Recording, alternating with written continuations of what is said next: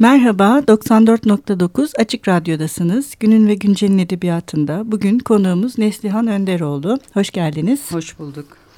Neslihan Önderoğlu İstanbul'da doğdu. Boğaziçi Üniversitesi İşletme Bölümünü bitirdi. Öyküleri notos, kitaplık, sözcükler, sarnıç öykü, izafi, dünyanın öyküsü, sıcak nal, Türk dili, öykü teknesi, patika, ada dergilerinde yayınlandı. İçeri girmez, girmez miydiniz adlı hikaye kitabı 2013 yılında Haldun Taner Öykü Ödülünü aldı.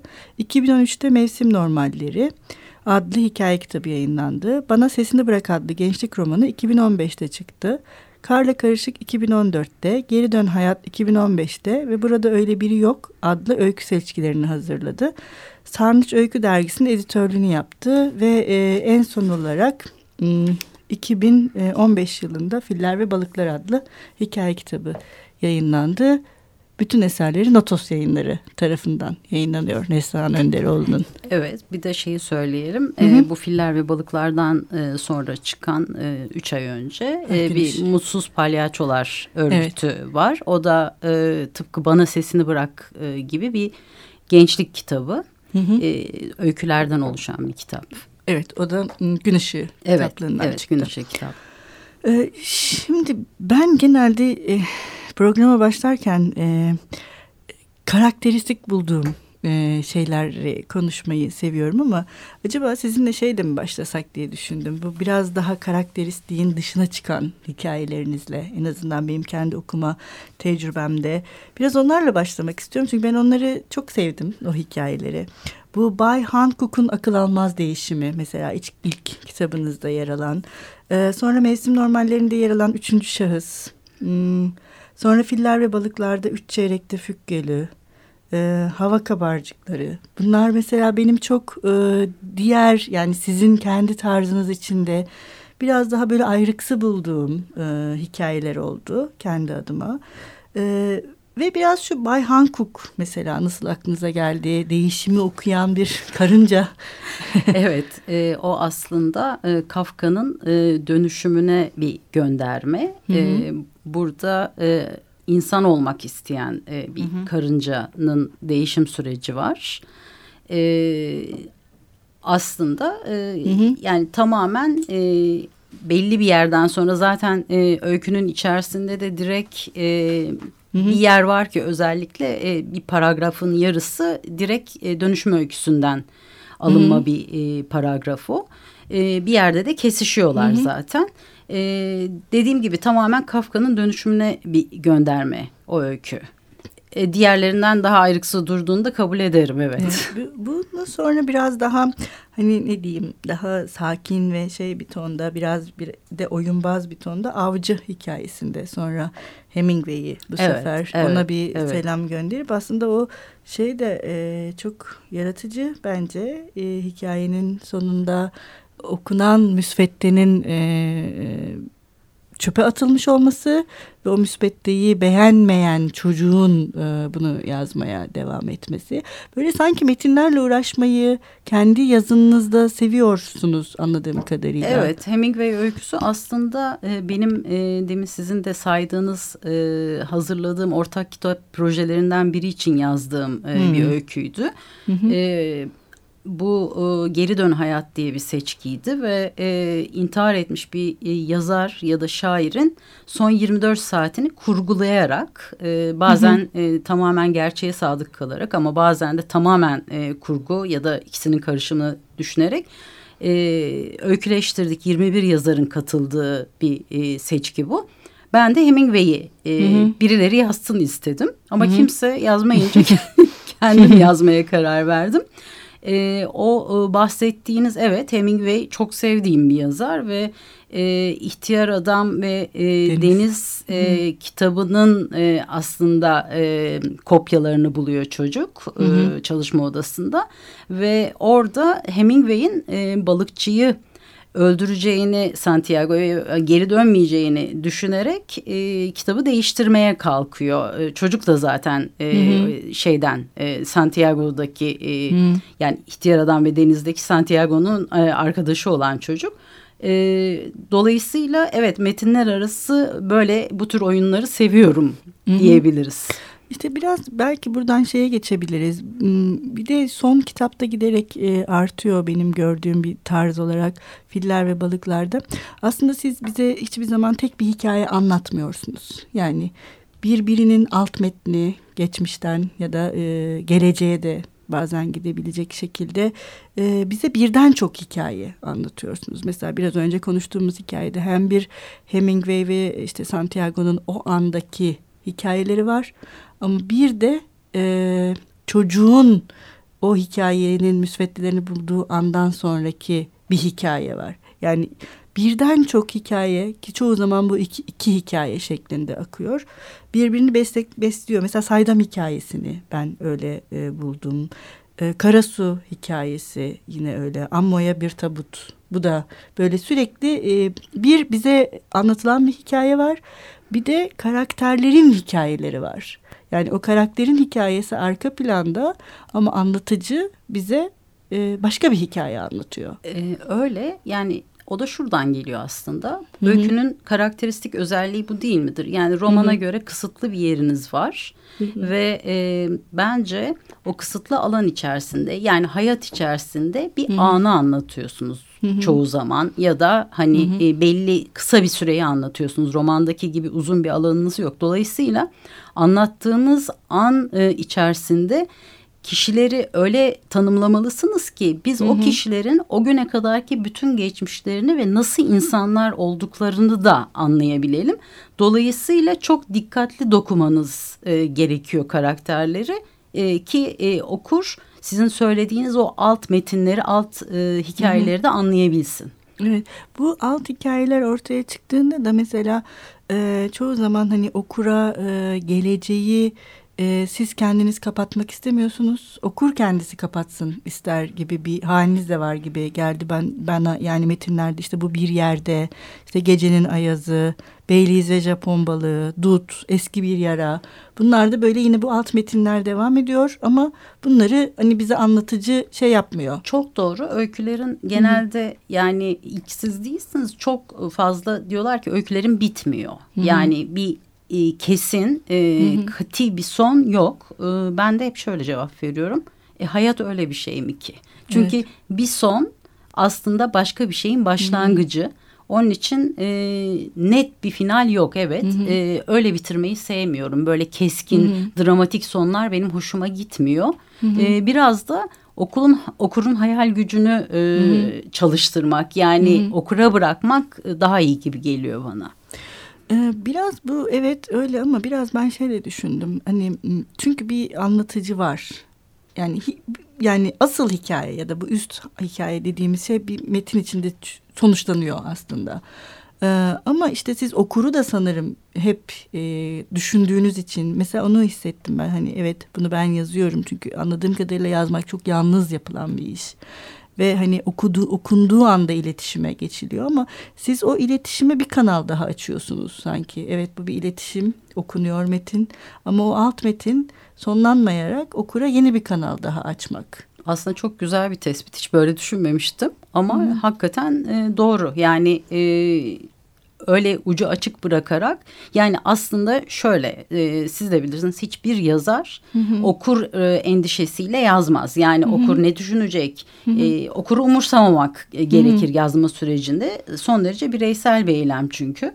Ama e, eğer okuru metne dahil edip e, bu tür açık, Hı -hı. açık bir kapı bırakarak e, metnin içine çekebiliyorsanız bence iyi bir şey yani. Hı -hı. Öyle bir şey yapmışsam Hı -hı. iyi yapmışım. Evet, evet.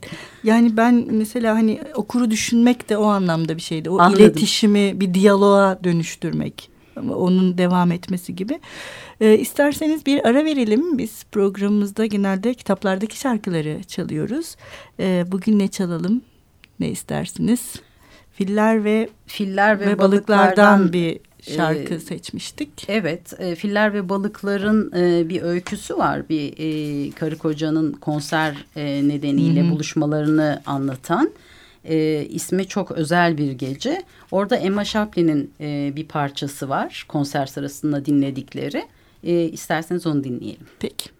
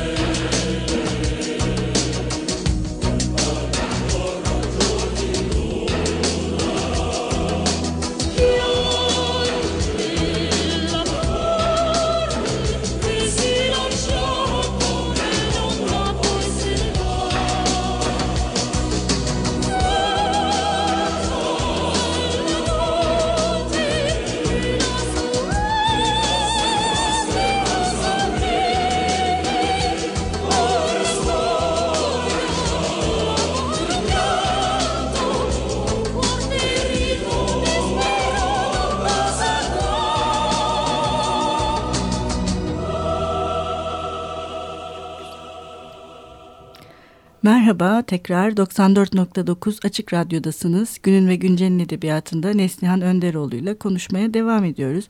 Ee, şimdi biraz ilk bölümde e, okuru e, bir diyalog halinde metne sokmaktan, e, başka yazarların metinlerine selam çakmaktan bahsettik. E, şimdi biraz daha e, sizin kendi edebiyatınızın... E, belki giderek karakteristikleşmeye başlayan taraflarını konuşabiliriz. Yine bu benim kendi gördüğüm şeyler tabii. Mesela benim şey dikkatimi çekti. Bu filler ve balıklara doğru artık giderek bir, bir anne kız ilişkisi. Ve anne ve kız ilişkisi işte kestane ağacı, gecikmiş bir yaz akşamı, masaj artı duş 75 lira, e, veranda. Bunlar böyle şey halinde hmm, önemli bir şey olmaya mı gidiyor. Yani bu iki yani nasıl diyeyim bir kökle ya da bir kendini bir şeyden ayırt etmekle çünkü çetrefilli bir ilişki aslında anne kız ee, ilişkisi. Anne kız olduğu kadar şimdi siz söyleyince düşünüyorum. Karı koca, hı hı. baba kız, baba evet. oğul, e, iki tane kız kardeş hı hı. ya da iki eski arkadaşın hani yıllar sonra bir araya gelmiş mesela hı hı. ilk kitapta vardır. Evet. Kısır diye bir öyküde. Kısır. E, küçük galiba kalabalık e, öyküleri sevmiyorum. Çünkü hı hı. E, aile denilen e, bir e, birimi çok hı hı. E, enteresan buluyorum. E, şu anda yeni yazdığım öykülerde öyle. Genelde karı koca hı hı. arasında geçen şeyler. E, çünkü aslında e, ne yaşanırsa e, aile içerisinde yaşanıyor Tabii. ve aile içerisinde biz oluşuyoruz. E, sonra e, işte e, dış çevreden etkileniyoruz. Dolayısıyla e, bütün o bastırılmış duygular, e, görünürün altında yaşananlar, e, üstü kapatılanlar, söylenemeyenler benim çok ilgimi çekiyor. Hı hı. E, dolayısıyla evet e, buna katılırım. Yani işte böyle ikili ilişkiler e, hı hı. mercek altına alınmayı e, daha çok hak ediyor benim gözümde. Ben de tam işte sizin söylediğiniz gibi bu karı koca ilişkisi ve bunların e, farklı dönemlerden işte e, bir orta yaşlı tipler var, bir daha genç olanlar var. E, işte bir e, aslında birbirlerini hiç sevmeyen ve bir arada olmaması. Aslında bir sevgisizlik de var yani bu karı koca ilişkilerinde. Böyle bunlar çok şey değiller. E, mesela yine bir hikayenizde şimdi çok özür dilerim adını hatırlayamıyorum. Yine kocası ölmüş. İki arkadaş bir araya geliyorlar. Orada da kocası ölmüş yani yine bir Tatile şey var. gidiyorlar. Tatile evet. gidiyorlar ve e, bunlar mutsuz ilişkiler. Öyle çok hani bunlar birbirlerinden e, hoşlanan hatta neredeyse ben şey diye de düşündüm niye evlenmiş ki bunlar ya da ne işleri varmış. Özellikle o hani e, konser sahnesi çok şey hani o kadar soğuk ve şeyler ki birbirlerine neredeyse bir iş toplantısı gibi orada o işi yapıyor olmak. E, Valla ben aslında e, bu sorduğunuz soruyu e, normal hayatınızda rastladığınız çevrenizdeki bir çiftleri düşünün. Yüzde doksan için niye evlenmiş ki bunlar demez misiniz? Tabii. Tabii. Yani e, ben çok ayrıksız şeyler yazdığımı düşünmüyorum. Aslında hı hı. bilakis son derece sıradan günlük hayata ve sıradan insanların hayatlarına dair şeyler yazdığımı düşünüyorum. Çünkü hakikaten bunlar benim etrafımda gözlemlediğim evlilikler, anne kız ilişkileri, baba kız ilişkileri. Böyle bir şey yani e, Ingeborg Bachmann'ın bir lafı var faşizm ailede başlar diye. E, ben böyle olduğuna yüzde yüz katılıyorum. E, biz aslında e, ailemizin e, küçük bir yansımasıyız. Yani e, ne gördüysek onu dışarıya yansıtıyoruz. Bütün o içimizde birikenlerle birlikte. Evet biraz bu aile meselesinde e, yine ilk kitaptan itibaren var bir e, yine işte bu anne kız işte bir, bir prenses masalıyla sanırım bu ilk benim gördüğüm e, işte akıl hastanesinden çıkan bir annenin çok kısa bir süre çocuğunu görmesi. Yine orada da bir alt hikaye okuyoruz. Hem bir kadının e, boşanma hikaye, süreci boşanma evet. süreci hem de e, hastanedeki süreci. Sonra yine e, Hansel'in ve damdaki deli. Bunlar böyle şeyler. Yani e, gerçeklikle bağlantılarını belki de fazla gerçekle karşılaşmış olmaktan dolayı kaybetmiş kahramanlar e, gibi geldi bana açıkçası ve bunları da biraz hani o ilk bölümde konuştuğumuz hikayelere göre daha az olmakla birlikte yine sizin genel yazınız içinde biraz daha ayrıksı buldum bunları. Evet onlarda hafif fantastik bir yan Hı -hı. var. Ee, biraz karanlık öyküler. Hı -hı. Yani e, öykü aslında e, biraz atmosferiyle işte anlatımıyla diliyle de e, hı hı. hikayesini ortaya koymalı. Yani e, ne anlatmak istediğiniz belli. Mesela şey örnek vereyim kestane ağacını söylediniz hı. demin. Orada e, aynı evin içinde kalan e, yatalak ve spastik bir e, genç hı hı. E, erkek ve e, ona bakmak için çok küçük yaşlarda e, Anadolu'dan hı hı. getirilmiş bir besleme kız. Bir de yaşlı bir kadın var. Şimdi evet. odalar küçük, sıkışık. Öyle bir ev hayal edin. Şimdi öyle bir metni anlatırken e, uzun uzun cümlelerle Hı. anlatamazsınız. Çünkü bir boğulma hissi Hı. var orada. Dolayısıyla o öyküdeki cümlelerin mesela diğer öykülere göre daha böyle ortasından bölünmüş, hiç E, nokta konulmaması gereken yerlerde nokta evet. konulmuş, yarım kesilmiş cümlelerdir. Çünkü hakikaten ben kendim onu boğulma hissiyle yazdım ve okura da o hissin aynen geçmesini istedim ki e, zaten bunu söylediler. Niye bu, bu böyle kısa kısa bölünmüş cümleler diye tamamen bu nedenle. E, mekan aslında öykünün içinde aktığı yataktır hı hı. ve siz mekanı nasıl yani işte gürül gürül akan hı hı. E, çok böyle hareketli bir şey anlatırsanız ona göre bir nehir yatağı e, düşünürsünüz. Hı. Ona göre kurarsınız. Ama yok hani işte söylediğim gibi böyle boğucu, Hı. sıkıcı, yavaş ilerleyen bir şey anlatırsanız e, o zaman da başka bir nehir yatağı oluşur orada. Yani suyun akışına göre yatak e, belli evet. olur. Öyle düşünüyorum. Bir de şey konuşalım istiyorum. Kayıp ve ölümler önemli sizin metinlerinizde. Ee, bunlar neredeyse hepsine yani tabii bu kaybın tanımı her seferinde ölüm olarak çıkmıyor karşımıza. Ee, bunlar da böyle benim çok dikkatimi çekti okurken.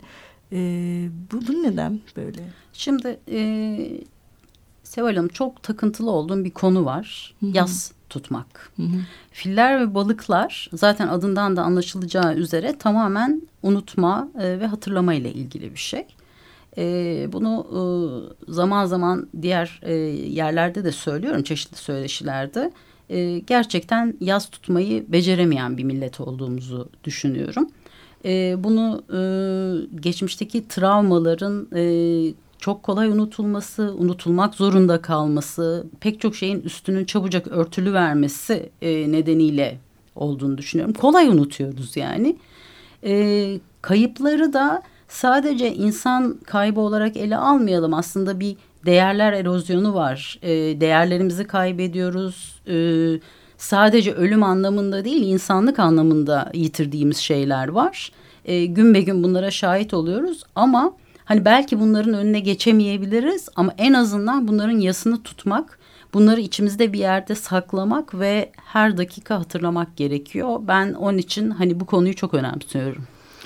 Evet maalesef bize ayrılmış sürenin sonuna geldik. Ee, biz e, programımızın sonunda yazarlarımızın dinleyicilerimiz ve okurları için okuduğu bir sayfayla veda ediyoruz. Ee, siz bugün neyle veda etmek istersiniz? Ben e, o zaman e, son kitaptan yani filler ve balıklardan sevdiğim bir öyküden kısa bir bölüm okuyayım. Tombala ismi öykünün. Peki. Ee, Hoşçakalın. Görüşmek üzere. Kamber altımdaki minderi çekti. Az kalsın düşüyordum. Başka bir alemdeydim de minderi çekmesiyle birlikte ayaklarım tekrar yere bastı sanki. Öyle sandalyede oturmuş dalmış gitmiştim ki ne zamandır birden çekti minderi işte. Hadi lan dedi Yetme mi daha otuduğun? Dal öğlen sıcağı dedin, yapıştın kıçını. Kalk bak eğildi güneş, çarşı kalaba olmuştu şimdi. Hep böyle konuşur, kelimeleri yutarak, harfleri eksilte eksilte. Parasız yatılıyı kazanıp gelmiş olmasa salak sanacağım derdi Türkçe öğretmenimiz. Eli ayağı durmaz, kararsız kıpırdağın biriydi. Üstelik cılız, fersiz biri olan. Şimdi de öyle. Uzun, dal gibi bir gövdenin üstünde kocaman bir baş, yarısı ağız. O zamanlar oradaydık, başka bir şehirde. Şimdi buradayız, Kamber'in kasabasında. Gel dedi bir gün telefonda. Yıllar var görmemiştik birbirimizi. Sıkılıyorum demiştim. Çok sıkılıyorum. Zaman geçmiyor. Ev bizim genişti geliversen.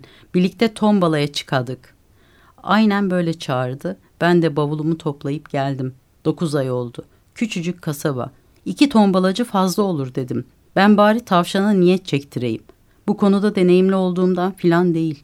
Tavşana niyet çektirme işini sadece eski Türk filmlerinden görmüşlüğüm vardı. Ama beyaz bir tavşan besleyip sabahları onu mesaiye kaldırır gibi kafesine koyarak işe çıkarma fikri hoşuma gitmişti. Ne ki bu fikir Kamber'e hiç cazip gelmedi. Onun gözünde tavşanlar sadece etinden faydalanılan hayvanlardı.